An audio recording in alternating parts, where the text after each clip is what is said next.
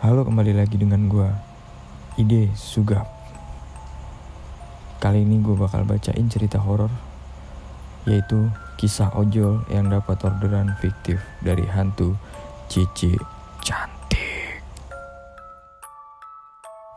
Cerita horor yang viral di media sosial kali ini di mana kisah nyata tersebut dibagikan oleh akun Twitter catatan Yohane Channel. Dalam cuitannya itu, pengunggah menyebutkan jika kisah ini menimpa teman satu SMA-nya yang bernama Rudi. Kejadian ini bermula ketika Rudi mendapatkan tawaran sebuah pekerjaan baru di Pulau Dewata, Bali. Saat itu, Rudi pun langsung menanyakan kejelasan tentang pekerjaan apa yang akan dia jalani selama berada di Pulau Bali.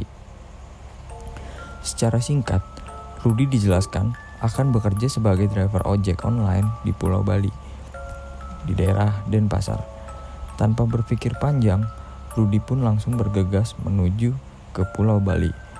Di sana Rudi sudah ditunggu oleh temannya. Ia disediakan kos guna sebagai tempat tinggal selama berada di Bali. Sesampainya di Bali, Rudi tidak langsung bekerja.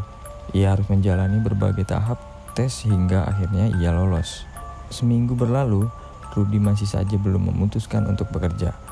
Di sana Rudi hanya berkeliling Denpasar sembari menghafalkan ruas-ruas jalan di sana.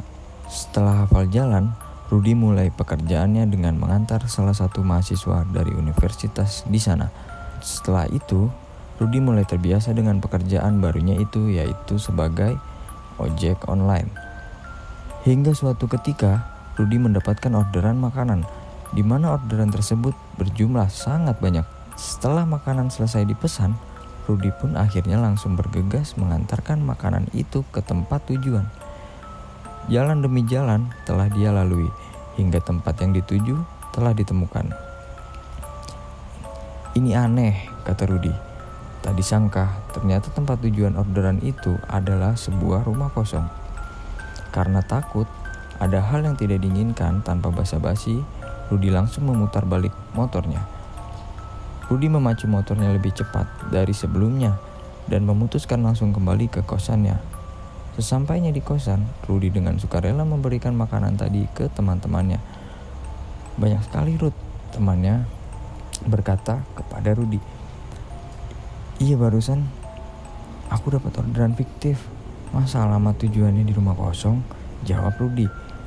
Sambil terus mengobrol, mereka memakan sendiri makanannya. Hingga pada hari itu, Rudi memutuskan untuk tidak bekerja sementara. Rudi hanya menghabiskan waktunya untuk tidur dan bermain game di kosnya. Keesokan harinya, Rudi kembali bekerja karena dirasa hatinya sudah tenang. Hingga sore, semua berjalan lancar. Rudi terus mengaktifkan aplikasinya. Saat azan maghrib, tiba-tiba dia mendapatkan orderan makanan lagi. Tanpa berpikir panjang, Rudi langsung menerima orderan tersebut dan bergegas menuju restoran yang dituju.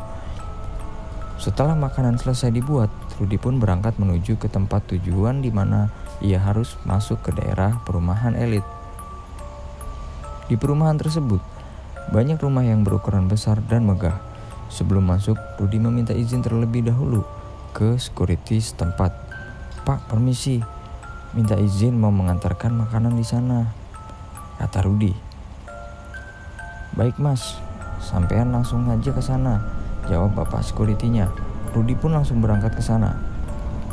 Alamat tujuan sudah ketemu. Rudi turun dari sepeda motornya. Dia pun memanggil-manggil orang yang berada di dalam rumah tersebut. Karena tidak ada jawaban, akhirnya Rudi melihat sekeliling sambil mencari bel.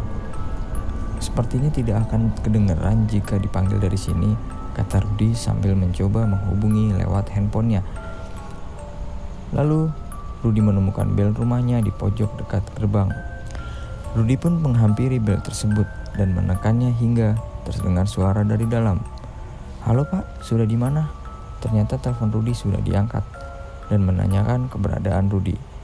Sudah di depan rumahnya mbak, jawab Rudi. Oh ya udah pak, saya keluar dulu, kata customer tersebut. Akhirnya Rudi mencoba menunggu. Tak lama Rudi menunggu, karena pemilik rumah sudah keluar, ternyata yang keluar adalah wanita cantik sekitar umur 20 tahun, memakai kaos lengan pendek dan hot pants. Mbak Cici ya? Tanya Rudi. Iya mas, ini uangnya, jawab Cici. Waduh, saya tidak ada kembaliannya mbak, kata Rudi. Loh, ya udah kalau gitu saya ambil uang pas dulu ya mas, jawab Cici. Sebelum Cici kembali, Rudi memberikan makanannya agar sekalian dibawa masuk oleh Cici. Tunggu sebentar mas, kata Cici sambil berjalan kembali masuk ke rumahnya. Cici terus berjalan cepat dengan sedikit lari kembali ke rumahnya. Cici sengaja tidak menutup kembali gerbang rumahnya. Sambil menunggu Cici mengambil uang pas, Rudi pun mencoba melihat seisi rumah Cici yang sangat bagus. Bagus banget rumahnya, kata Rudi di dalam hati. Di dalam gerbang terdapat taman dan di tengahnya terdapat air mancur yang indah. Sekitar 15 menitan Rudi menunggu, namun Cici masih saja belum keluar. Karena capek berdiri, Rudi memutuskan untuk duduk di sebuah kursi yang terbuat dari semen. Lama Rudi menunggu, hampir sudah sekitar 30 menit, hingga akhirnya Rudi memutuskan untuk memanggil Cici dari luar. Saat Rudi memanggil-manggil Cici, tiba-tiba dia dikagetkan oleh security yang menempuk pundaknya. Mas, ngapain manggil-manggil orang di dalam sana? Tanya Pak Security. Sambil menoleh ke arah Pak Security tadi, Rudi menjawab, Mbak Cici pesan makanan lewat ojol, Pak. Sebentar mas, sini dulu, kata Pak Security itu. Akhirnya, Rudi berjalan satu dua langkah dan berada tepat di samping Pak Security tadi. Mereka semua membelakangi rumah itu. Lalu Pak Security tadi berbisik kepada Rudi. Rumah ini sudah lama kosong mas, kata Pak Security. Mana mungkin pak, jawab Rudi yang tidak percaya dengan perkataan Pak Security itu. Iya, pemilik rumah ini meninggal dunia, lalu keluarganya pindah. Dan rumah ini dikosongi sudah lama, kata Pak Security yang mencoba menjelaskan. Kok bisa pak? Tadi itu mbaknya keluar, dia ngambil makanannya karena uang yang dikasih nominalnya besar. Jadi saya minta diambilkan uang pas aja, kata Rudi. Coba sampean lihat ke belakang mas, itu rumah sudah kosong, kata security itu dengan nada sedikit menekan. Rudi menoleh ke belakang. Alangkah kagetnya Rudi. Rumah yang tadinya bagus berubah menjadi rumah kosong tidak berpenghuni dan tak terurus di mana ada banyak sawang-sawang di temboknya, juga rumput alang-alang yang sudah tinggi. Astagfirullah, kata Rudi. Badan Rudi lemas dan gemetar. Tapi pak, makanannya tadi dibawa masuk rumah itu juga loh. Loh, dibawa ke mana mas? Itu loh, makanannya masih nyantel di sepeda kamu. Jawab Pak Security sambil tangannya menunjuk ke arah motor Rudi. Rudi semakin lemas dibuatnya Lalu tadi itu siapa pak? Tanya Rudi sambil mulutnya yang gemetar. Sudahlah mas, ayo kita ke pos dulu. Mas tenangin diri mas dulu, kata Pak Security tersebut.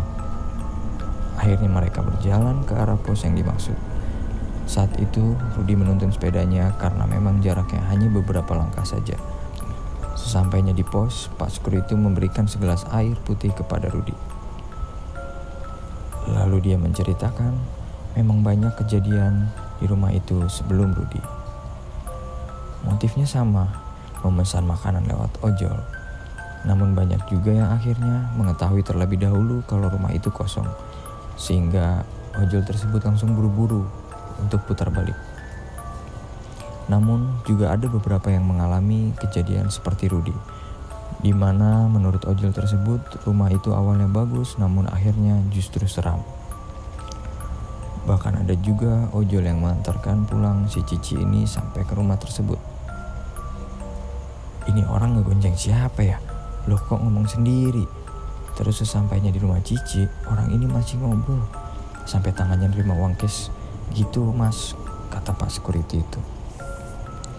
Rudi semakin dibuat takut mendengar cerita dari Pak Security itu hingga akhirnya ia cepat-cepat untuk pamit pulang ke kosnya. Lalu sebelum Rudi pergi, Rudi menaruh makanan pesanan Cici itu di pos Pak Security. Ini buat bapak sama temannya aja, kata Rudi sambil memberikan makanan hasil dari pesanannya Cici. Setelah berpamitan, Rudi bergegas pulang ke kosnya dan menceritakan kejadian tadi ke teman satu kosnya. Sejak kejadian itu, Rudi pun memutuskan untuk menonaktifkan aplikasi ojolnya di malam hari. Cukup di situ aja cerita horor hari ini. Terus ikutin, dibacain cerita bersama Ide Sugap.